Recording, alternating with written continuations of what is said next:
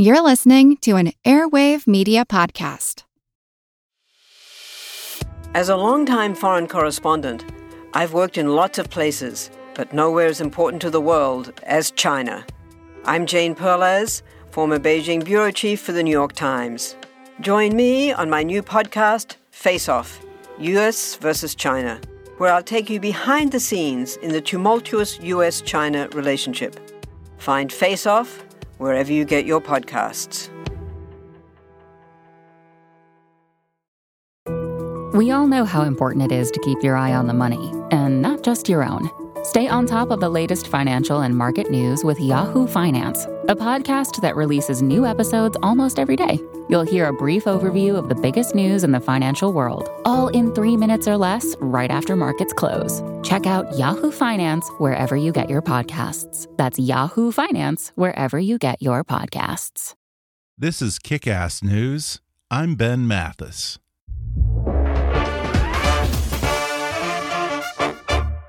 Hey, folks, I know you love podcasts. Believe it or not, there are a lot of people out there who still haven't been turned on to podcasts or don't really know what a podcast is. So help celebrate Podcast Month by sharing kick ass news or any of your favorite podcasts with at least two friends. Or better yet, share us with all your friends on Twitter or Facebook and be sure to tag us when you do and use the hashtag trypod. That's T R Y P O D. Spread the word about this podcast or any podcast. And if you want to do something else to support Kickass News, then donate to our GoFundMe campaign at gofundme.com slash kickassnews. Believe it or not, this show costs actual money, and your contribution will help offset some of those costs. So become a part of what I'm doing here by going to gofundme.com slash kickassnews and making a donation. Thanks for listening. And now enjoy the podcast. I'll ask you one more time. What should America do? Okay? We want you to fuck off and leave us alone. All right, fine. You know what? Fine. Yeah. Fine. Done. Yeah, but not right away. we could still use the aid money and a few weapons and some investments. What I'm saying is, if you could gradually off, that would work better for everybody. Hi, I'm Ben Mathis, and welcome to Kick Ass News. That was Bassem Youssef, the man described as the Jon Stewart of the Arab world, appearing on Comedy Central's The Daily Show with the Jon Stewart of America, well, Jon Stewart. After starring in the most popular show in the history of Arab language television, Bassem Youssef came to the U.S., where he now hosts Democracy Handbook with Bassem Youssef on Fusion TV, and was recently the subject of the documentary Tickling Giants. He was named one of the 100 most influential people in the world by Time magazine, and one of Foreign Policy magazine's 100 leading global thinkers. But the story of how Bassem Youssef got to this point is as unexpected as it is dramatic. He was an Egyptian surgeon waiting for his visa to take a fellowship with a hospital in Cleveland, Ohio, when the Arab Spring came knocking on Egypt's door and protesters took to the streets to condemn the 30 year reign of Egyptian strongman Hosni Mubarak as Egyptian police and anonymous thugs used violence to try and shut down the peaceful revolution, Youssef used his talents as a doctor to treat wounded protesters at a makeshift trauma center in Tahrir Square, and used his gift for humor and a makeshift set in his laundry room to shoot five minute videos poking fun at the crooked government and their lies. Just those nine videos received 40 million downloads on YouTube and Bassem Youssef was offered his own television show. The incendiary satirical news program Al Bernameg chronicled the events of the 2011 Egyptian Revolution, the fall of President Hosni Mubarak, the rise of Mubarak's successor, Mohamed Morsi, and Morsi's subsequent ouster by the equally corrupt military leader and current president of Egypt, Abdel el Sisi. Youssef not only captured his nation's dissent, but stamped it with his own brand of humorous political criticism, in which the Egyptian government and the complicit media became the prime laughing stock. So potent were Youssef's commentary, jokes, and skits that the authoritarian government accused him of insulting Islam and the Egyptian presidency. After a six hour long police interrogation, Youssef was released, and while his case was eventually dismissed, his television show was terminated, and Youssef, fearful for his safety, fled his homeland. In his new book, Revolution for Dummies Laughing Through the Arab Spring, Bassem Youssef recounts his remarkable life so far and offers hysterical riffs on the hypocrisy, instability, and corruption that has long animated Egyptian politics. From the attempted cover up of the violent clashes in Tahrir Square to the belief by officials that Youssef was a CIA operative recruited by Jon Stewart to bring down the country through sarcasm. Today, Bassem Youssef joins me on the show to talk about all that and more. He shares how he went from doctor to TV host during one of the most tumultuous chapters in Egypt's history, and the help and encouragement he got from the man who he calls a brother, The Daily Show's Jon Stewart. He recalls being put in the awkward position of having to explain his own jokes to his interrogators, and an equally awkward meeting he had with the head of the Muslim Brotherhood. He discusses his disappointment at many Egyptian protesters who he says simply traded Islamist fascism for military fascism. He reveals some of the tensest moments behind the scenes of his show Al Meg and remembers the heartbreaking day he fled Egypt for good. Plus, why he's feeling a disturbing degree of deja vu as he covers the presidency of Donald Trump. Coming up with Bassem Youssef in just a moment.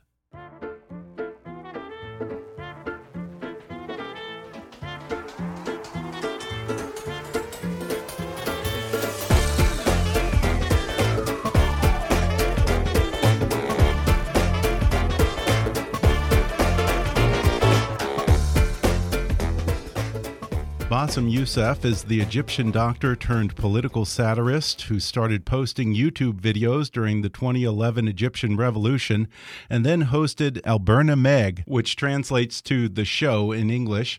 The show was a satirical news program that became the most popular show in the history of Arab language TV and was compared to Jon Stewart's The Daily Show. In 2013, Bassem Youssef was named one of the 100 most influential people in the world by Time magazine.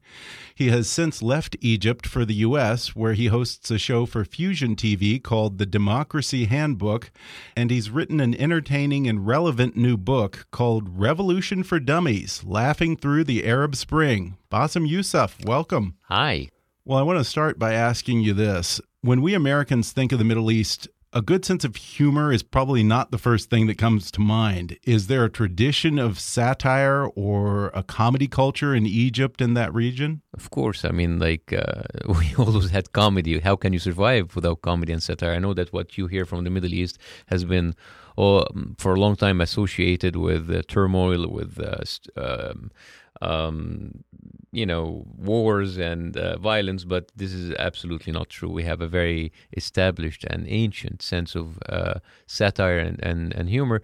Uh, it, it, what was what happened is just like after the revolution, my show just brought political satire to mainstream. It was always been underground because this is how you deal with stress, oppression, struggle, and um, uh, what was allowed for decades was a sense of social satire. Political satire was not allowed because uh, dictators don't like to be laughed at. Well, when the protests against then Egyptian President Hosni Mubarak started in Tahrir Square in 2011, you were a surgeon waiting to come to the U.S. and take a residency in Cleveland. I'm assuming getting involved in a revolution and becoming a political satirist must have been the farthest thing from your mind.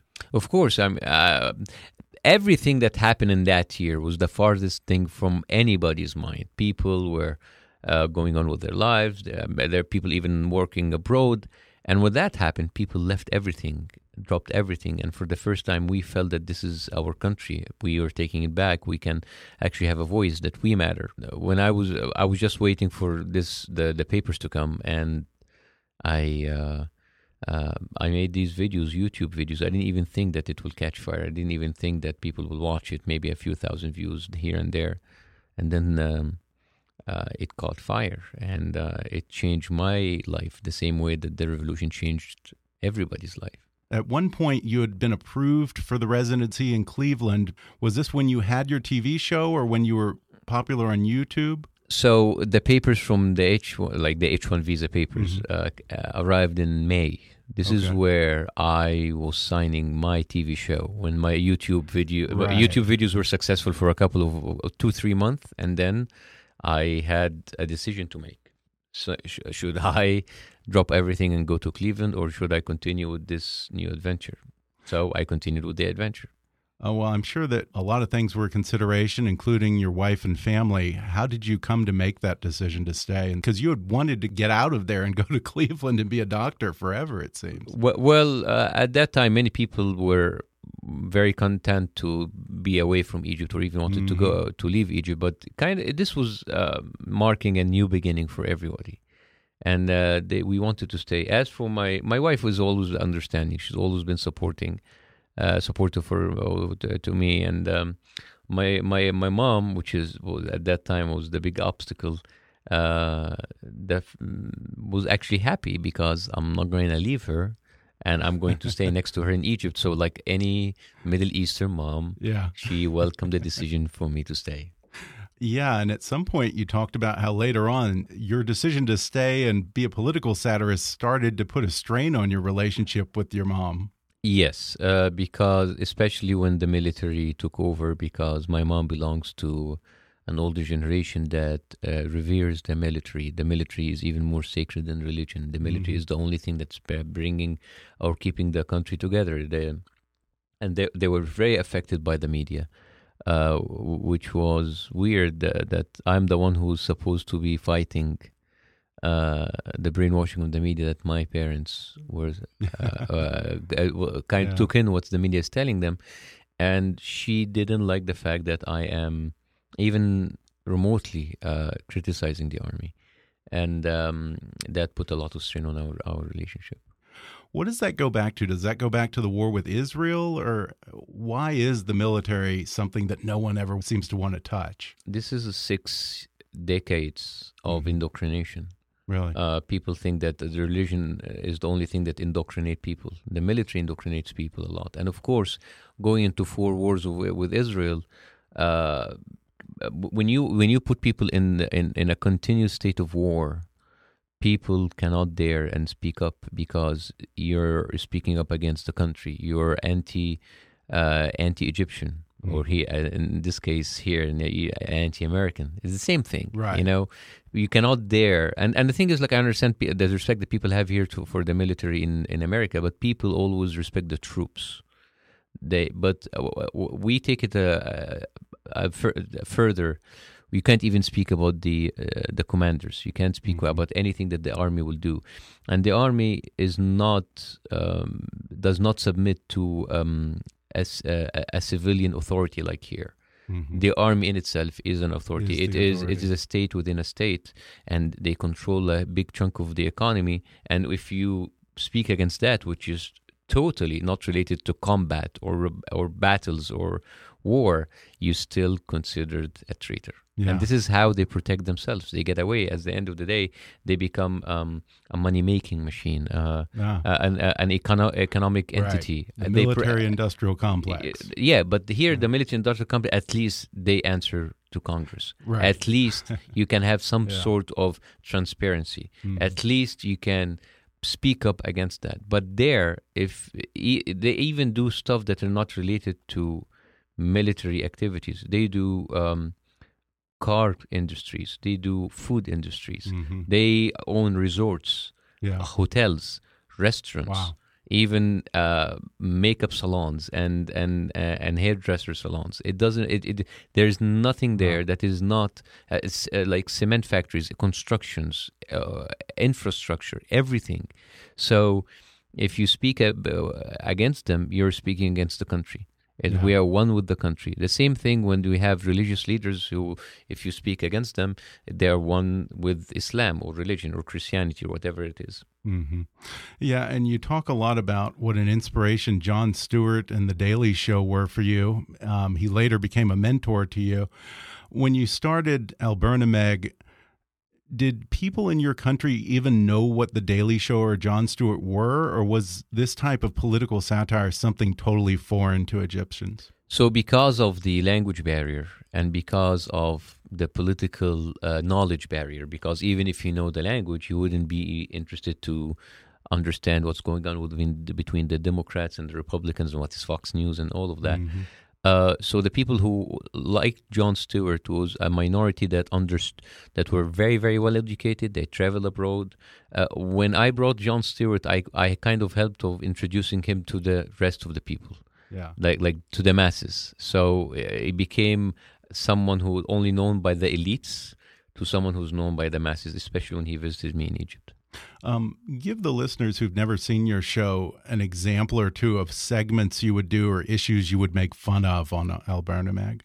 We, we, no, we we were. Very, eh, the thing is, because we're always up against either a military or a religious uh, yeah. uh, authority, we we make it very clear that we are not attacking the idea of the army okay. or the idea of religion. Mm. It is the people who represent both of them, and it was mm -hmm. it was like a very difficult job because you're always walking on a thin line, mm-hmm. and you still, no matter how much you tried, you still uh, you still accused of of tarnishing both of them. Yeah, yeah. And what's funny about this is throughout the run of your show, you were accused of being everything from a CIA agent to a Zionist spy, a secret Coptic Christian, an Islamist fundamentalist, a puppet of Iran.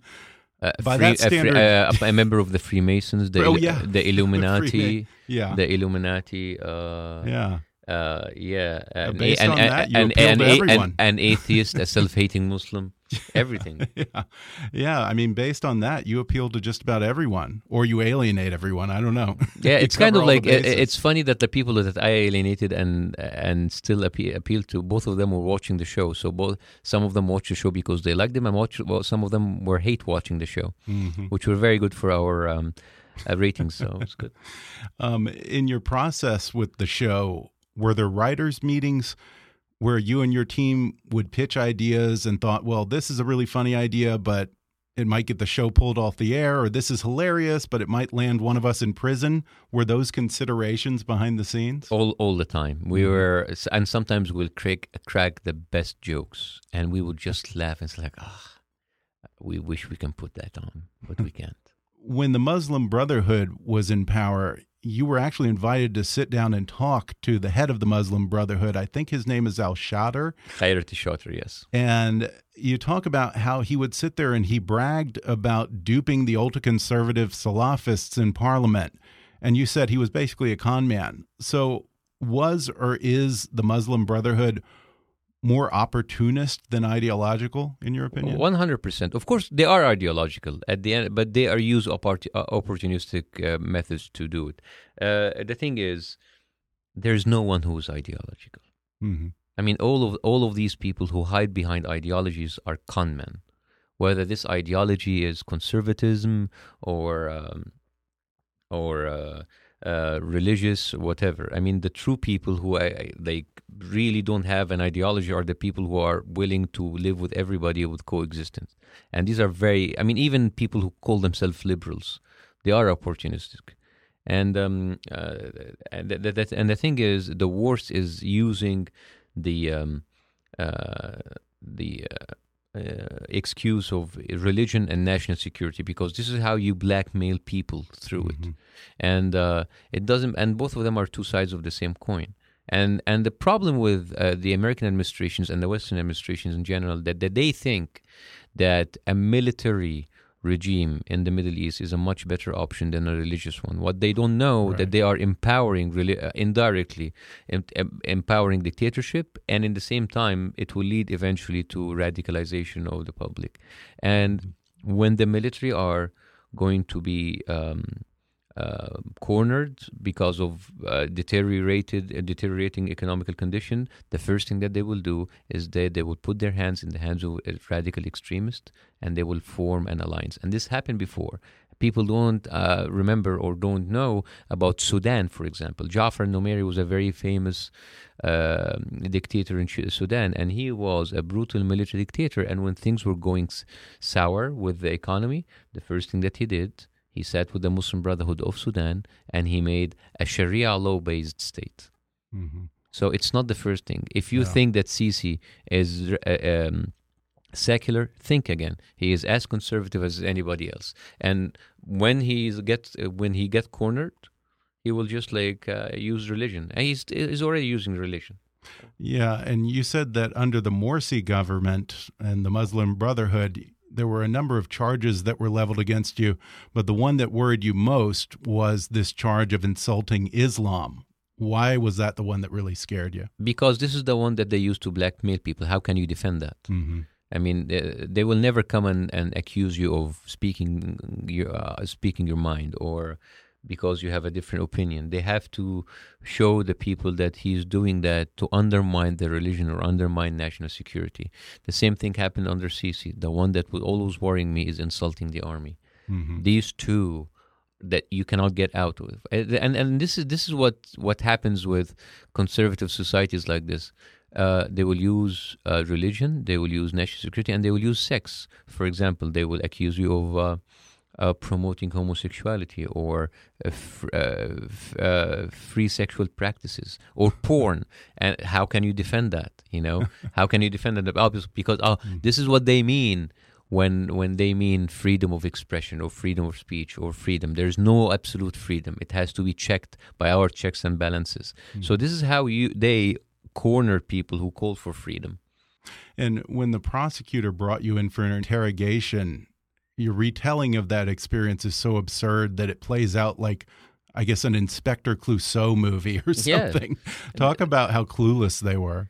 So uh, first of all, uh, as I went in, there's many people who work in the uh, um, in the office of the general prosecutor, which is the same as the general attorney here, and uh, they were big fans of me, and they were taking pictures inside his office as he was starting the interrogation, and uh, the interrogation went for six hours. And what was really in- interesting that the interrogation was directed as uh, asking why are these jokes funny? which is the worst thing that you can tell to, to a comedian and then um, but the, uh, and the most memorable part is that at the beginning of the interrogation when they weren't wanted to show or the evidence which was uh, my episodes on compact discs CDs Yeah. and they were tr- they were trying to work uh, the CDs in the computer and the computer was an outdated 95 Windows 95 computer Windows. yeah, Windows 95. 95. Wow. Yes, from the last century. And uh, and uh, they were working and the CDs weren't working. And then f- for 20 minutes or so, they were they, they they couldn't get it work and I'm sitting there bored and and I found myself standing up and trying to help them to play the CDs, playing the the the evidence against me, the one the thing that will actually indict me, and uh, it was funny. And uh, I tried to. So, do you have VLC? Do you have? Uh, do you have QuickTime? And then he said, "All right, we will pretend that we played the videos, and uh, we'll just read from the script." And he said, "Like, do you have a problem with that?" I told him, "Do I have a choice?" And he said, "No." so that that that that just can give you an idea of what, how the next the, the rest of the six hours went. I mean, that's got to be every comedian's nightmare to have to sit there and explain your jokes to someone who horrible. doesn't get it. It was just horrible. We're going to take a quick break, and then I'll be back to talk more with Bassem Youssef when we come back in just a moment.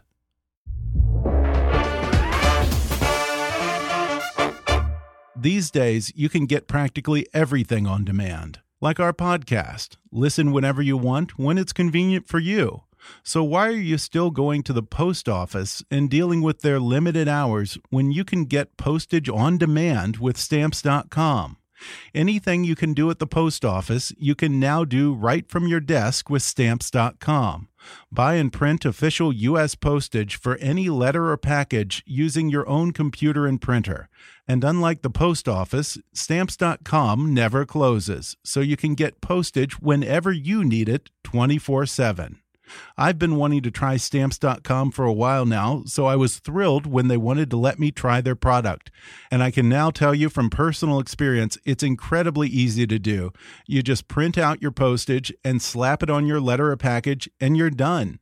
And if you have a small business, let me tell you, it's so much better than using those clunky postage meters where you have to pay to preload them with postage and commit to a long term contract. With stamps.com, you buy as little or as much postage as you need, and there are no long term contracts. Stamps.com has really perfected the art of postage. See for yourself. Right now, use my code KICK for this special offer a four week trial that includes postage and a digital scale. Don't wait. Go to stamps.com before you do anything else. Click on the radio microphone at the top of the homepage and type in KICK. That's stamps.com. Enter code KICK. Stamps.com. Never go to the post office again. You know, folks, I'm not exactly a gourmet cook, but one thing I've come to realize is not all ingredients are created equal. Fresh, high quality ingredients make a real difference, so it's important to know where your food comes from. Thankfully, for less than $10 a meal, Blue Apron delivers delicious, quality food courtesy of over 150 local farms, fisheries, and ranchers across the U.S. right to your door, supporting a more sustainable food system and setting the highest standards for ingredients. Plus, with Blue Apron's freshness guarantee, you can be sure that every ingredient in your delivery will arrive ready to cook or they'll make it right. It's no wonder that they're the number one fresh ingredient and recipe delivery service in the country. I've become a huge fan of Blue Apron. It's easy to prepare, it's delicious, and it's always something new. Like just this past weekend, we made their top chef spice rubbed pork with sweet red onion and black beans. Man, oh man, was it good. And some of the meals I'm looking forward to in April include spinach and fresh mozzarella pizza with olives, bell peppers, and ricotta salata, sweet and sour salmon with bok choy, carrot, and ginger fried rice, Parmesan crusted chicken with creamy fettuccine and roasted broccoli, and baby broccoli and fontina paninis with hard boiled egg and arugula salad. Check out this week's menu and get your first three meals free with free shipping by going to blueapron.com slash kick. You'll love how good it feels and tastes to create incredible home-cooked meals with Blue Apron. So don't wait. That's blueapron.com slash kick. Blue Apron, a better way to cook. And now, back to the podcast. Well, once Morsi was ousted and the military took over the quote unquote interim government, your show was on hiatus for a while and you were hesitant to go back on the air. You met again with Jon Stewart, who was filming a movie in Jordan, and by then he had kind of taken you under his wing and become something of a mentor to you.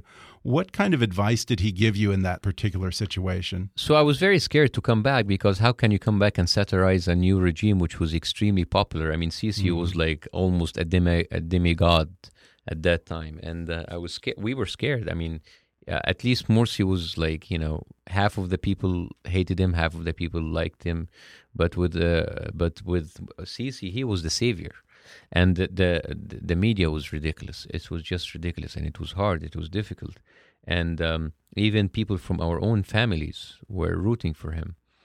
And uh, at the end of the day, you you want to. We were working on a thin line because you don't want to jeopardize the show and jeopardize people's jobs. Yeah. So uh, I went to Jon Stewart. He was at that time filming uh, Rosewater, and I asked him. I mean, I said like I don't know what to do. He said like, well, this is too. If this is too scary, quit. I said like I can't do that. I can just like quit. And he said, well, if you're scared, make fun of that. Make fun of how you feel, and that was the best advice that I had. We were basically doing the show, playing the scared card. It's like mm-hmm. we're want to say this joke, but we can't. And people yeah. understood exactly what we meant.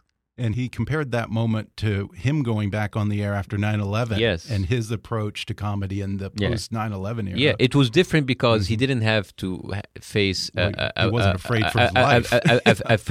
A, fascist regime. Yeah, yeah. He, he, it was the problem of how can you make jokes in a, in a time of, of sadness and, sh and shock. Mm -hmm and it but it was the same principle it is uh, speaking your mind in a way that even if you can't say what you what's on your mind people can feel you and can and and can relate to what you have mm -hmm. why were so many of the more liberal minded protesters who had been your allies who fought against the Islamist fascism of the Muslim Brotherhood willing to just roll over and blindly support the military fascism under Sisi? Well, you have to, the history of the military is is, is a mm-hmm. long one, and pe and that. and people would welcome the military at any time. Uh, first of all, many of them didn't realize that the military will be that fascists. Mm -hmm. I mean, we did, I mean, which is funny because we do have a, a, a, long history of military dictatorship, but but it, it has two folds. First of all, people were fed up by the Muslim Brotherhood. They saw an ugly face, a, a prequel of Afghanistan, a prequel of Iran, and they were like ready to root for the spaghetti monster, even if the even like if he would land now, and you, they will just like go with him and part of it is naivety. We, we were naive. We were thought that oh, the military will come and it will be okay. Yeah. But you know, if so, it's it's a mixture of things. It's of course it was a mistake. Many people of that afterwards, uh, uh, including me, kind of like and, and and kind of like it was different. People kind of realized this after a month, after six months, after a year. Um, for me, it was like a, it took a few weeks to say that no, no. This, I mean, I, I initially, of course, I was very happy but uh, of course, and because the military also played it very well, they uh, they they surrounded themselves with people on the liberal side, people who called for freedom, and then later they kind of they eliminated them one after the other. Mm-hmm. And when we saw that, it's like ah, they were just using all of us. So they used yeah. all of us. And and the thing is, with the Muslim Brotherhood, they can come and sit there on their high chance, like oh, you were being played by the military. Well, they have been being played by the military for a year. Mm-hmm. I mean, as a matter of fact, Sisi was chosen as a minister of defense by Morsi. Morsi, he and he was celebrated by the Muslim uh, Brotherhood as the first ever minister of defense who is religious and who is Islam loving. so the thing is, the military played all of us. They mm-hmm. were smarter. They had sixty years of experience. They were um, they infiltrated infiltrated all kinds of um, all the sides of the of, uh, of the, the state. They were again a state within a state, and um, uh, yeah, and, and and people who say like, and people would even go uh, to the extent of like, all right, it's military fascism, but it's mm. met, better than a religious fascism, and which is like you can't really argue with that. Uh, I, I I know I didn't I didn't don't even want to use the the word of lesser than two evils because it just um, at the end of the day it will become much worse. Yeah. Now, I guess the modus operandi of The Daily Show was to take on the American media and the hypocrisy there as much as take on the politicians. How much of that played into your show in Egypt, making fun of the complicity of the media?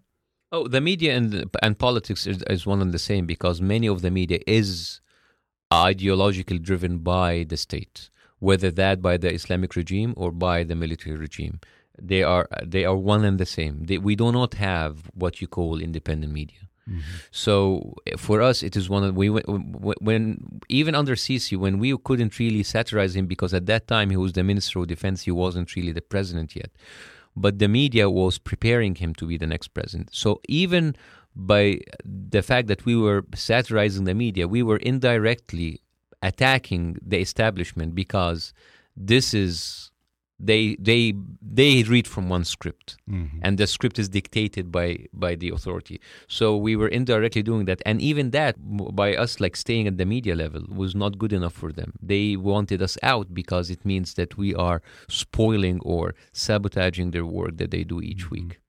Yeah, and some of the propaganda put out by Sisi and the media would seem laughable to most people, but people seriously were buying into conspiracy theories such as there was a puppet on your show that was sending messages to terrorists, and Sisi's regime claimed that they had invented a machine that cured AIDS. Now, as a medical doctor, that must have really pissed you off. Absolutely. The AIDS fiasco was one of the most laughable uh, uh, like debacle that we have seen as like a whole regime that comes out and say that we have uh, invented a uh, an AIDS curing machine. And people would, be, and doctors would believe that. People, uh, doctors would come and flock, j- j- blinded by their ideology, Really? uh, saying that the army can do or say no wrong. Even people from my teams like Bassem, you know that you can, if you're gonna satirize this, you are gonna be with a direct confrontation with the army. And I insist, I say like this is terrible. They are fooling. You know, it, it, it, it was an AIDS. It was a machine that cured AIDS Yeah. and hepatitis C. We have between 12 and 20 million people who have hepatitis C. It's endemic in Egypt. Like Egypt and India are one of the biggest countries in the world with that kind of a, um, pro- like uh, prevalence of the disease. And um, uh, I I just it it I was it was an uphill battle. I reminded the people every single episode with this um, uh, scandal, and I paid dearly for that. Yeah, I think you said you even had to convince your own people on your team at your show. I had to I had They to I. I had to put on my doctor had to explain to them what is the life cycle of the Wow. virus. Well, talk about your last day in Egypt. You were waiting for a verdict uh, from a court case that you were involved in as you were driving to the airport. No, so I I actually returned to Egypt from from abroad like the day before, and there was like a very uh, long um, going ongoing uh, um, arbitration case between me and the um, my channel that uh, kind of took me off the air. And it took me off the air because I just, you know, I made fun of the regime and they took me off the air. So there was absolutely no way that they can win the case. And yet it was a totally politicized uh, political uh, verdict. And i found myself having to pay them 100 million pounds with at that time Wow. uh, 15 million dollars. And they know and knew and this was ridiculous because there was not a single verdict in the whole of the arab world in the media with that that is that big and uh, uh, the verdict was around noon and I got a call from my production team, and people said, Bassem, you have to come right now. I didn't know what's going on. I said, Bassem, the verdict is out. You own that much. And we all know that this is not a real verdict. This is something in order to that they can use it in order to ha- uh, harass you. They can put you on a no-fly list. They can uh, Wow. confiscate your money. They can put you in jail under uh, a cover of propaganda that you are a criminal and you cannot pay uh, your dues. And um, five hours later, I was on a pl- uh, on a plane outside of Egypt going to Dubai. Wow. What's the state of human rights and free speech since you left Egypt? Has it gotten worse? Absolutely. Uh, I mean, you can imagine that it's like North Korea, but with internet and pyramids. Uh, we uh, and uh, after the uh, election of Trump, um, the regime has been empowered, more empowered. They know that that now they can uh, um, screw uh, with many of the activists and the uh, NGOs and any opposition without having the occasional uh, good for nothing slap on the wrist that they had it from the Democrats. Now, since you brought him up, you say in the book that Donald Trump is a little bit like deja vu for you.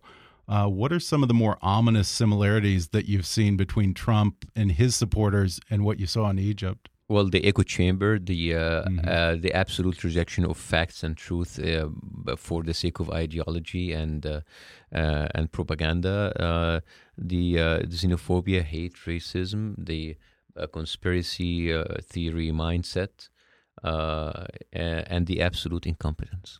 And since you left, you've been living and working here in America, and you have a new show on Fusion TV called Democracy Handbook. Um, tell us a little about the show. Well, Democracy Handbook was something that I developed with Fusion, where I traveled around the United States and I was uh, following the democratic uh, process in America with an outsider uh, perspective, and it was fun. I mean, we would d- discuss um, gun rights, um, elections, deep state, religion and state. Um, racism, uh, economy, and uh, we would draw a lot of similarities, and uh, it was it was fun. So, for example, in immigration, it's like wha- I mean, the problem with immigration guys that you're selling yourself too well. I mean, why don't you? I mean, um, I mean, the thing is, nobody wants to come to the Middle East. You know, we have all kinds of problems, but immig- illegal immigration is not one that we have. Do you think that, particularly with the Muslim ban and all of this anti Muslim rhetoric coming from Trump and his allies, that maybe it's about time that we had some kind of a humorous Muslim perspective on American politics? and yeah, what's maybe. going on. But like, I, the moment, But perhaps. but the thing is, like, I don't I don't put myself out there as a Muslim apologetic or a Muslim person. I am I'm a I'm a guy who who who came to America, uh, from from a different country, like many other people. Like I, people could be Italians, Europeans. Um, Africans, uh, Latins. I, uh, it, it, it's it's. Uh, I could be a Middle Eastern Christian. right. I could be a Muslim that does not practice. I could be an atheist. But the thing is, I do not. I'm not coming here to defend Muslim rights. Mhm. I'm coming here, and uh, uh, like when I speak, I speak for basic human rights that America has always claimed that they defend. Yeah. That I see it being undermined by this kind of rhetoric. I am a person who saw how discrimination, when it's in full effect, does discrimination does not discriminate. hmm It doesn't look at your ID card. hmm It doesn't. It doesn't um, investigate if you're praying five times a day, or you're fasting Ramadan, or if you have a cross around your neck. There are people in Kansas who were killed because they looked like a Muslim, but they were Indian Sikh or Yeah. Indian Hindus or whatever religion that they were. They were um, a Lebanese Christian who were killed because he was an Arab. hmm They are they are Iranians, Persian Iranians, who have been affected by the travel ban while they are Jewish. Wow. Here in Westwood, speaking from Los Angeles, Hmm. there are like people don't understand that like a huge portion of the Iranians that live here are Iranian Jewish. hmm They are not Muslims. They don't understand that, like, when you put a ban because of your passport, you are affecting so many people. And there are people who are Muslim, who have been here legally, and who are helping into the economy. And the thing is, they are not destroying these people's lives. You are destroying the America that you claim that you wanted to be uh, great again. I just there's a headlines in Yeah. USA Today saying that because of the ban, America might lose 18 billion dollars in tourism. Huh. The, the, uh, if you there's reports about like the American universities having an all-time low Uh, regarding to registration from foreign nationals. This is income Yeah. going into the country, Yeah. and foreign nationals pay full tuition. Yeah.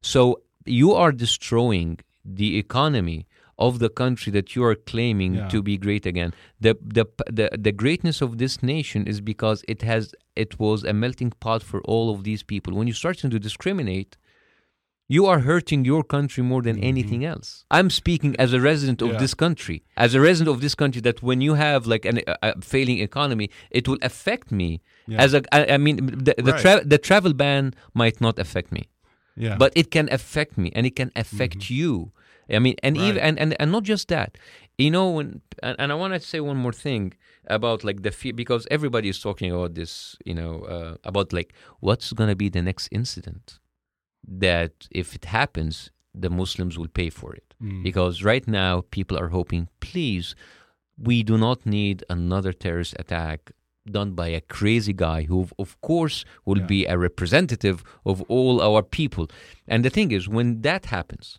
and when that war that Donald Trump is really asking for Yeah. when that happens don't think that this will affect Muslims don't think it will affect Middle Eastern it will affect white people who are who want to hold their government uh, accountable because at the time of war your voices will always be suppressed. Because if you speak against um, whatever changes that there is in the budget in in healthcare in in in in, in school education people tell you to shut up because you're an American how dare you oppose the president in the time of war? So this will affect everyone Yeah, and you would think that we would learn from Egypt's mistake because both Morsi and Sisi both destroyed their biggest You don't their need- biggest, you don't- uh, you- you don't need- economic contribution but- tourism. Of course, I mean, but like you don't even need to learn from our mistake. Learn from your country. How about the Yeah. eight years of, the, of George W. Bush? How about the the McCarthyism era? How about like there's so many like uh, historical events in your own history to learn. You don't even need to go, to learn from other people. But for the sake of my book, I would say, guys, you have to read Revolution for Dummies. And here I am shamelessly promoting myself to go get the book. It is funny. It is hilarious. It is totally not objective and totally inaccurate. And but yet it uh, it offers a different perspective. Well, I can't blame you for the shameless plug. In fact, I'll plug it with you. It's very, very entertaining and funny. If things cooled off in Egypt, would you ever be interested in running for president? I will never run for president, even the president of. Uh, uh, I don't know, um, uh, the PDA. okay. Again, the book is called Revolution for Dummies Laughing Through the Arab Spring. Bassem Youssef, thanks for talking to me. Thank you.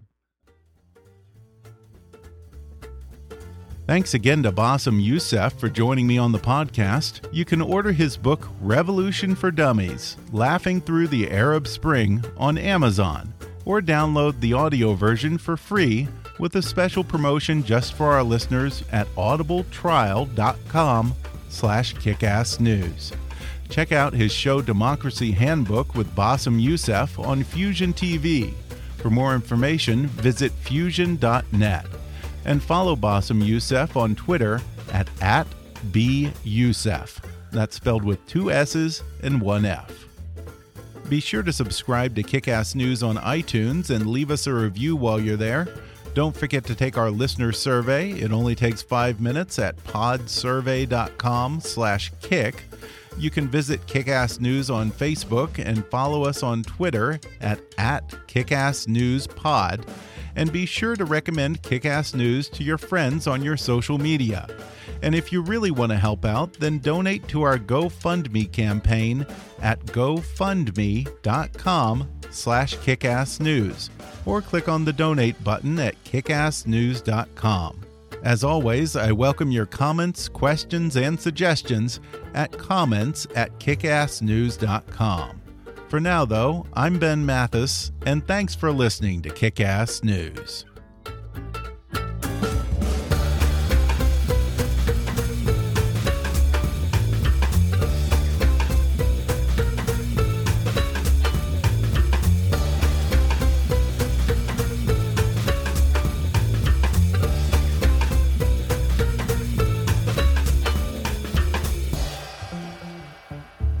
Kick Ass News is a trademark of Mathis Entertainment, Inc.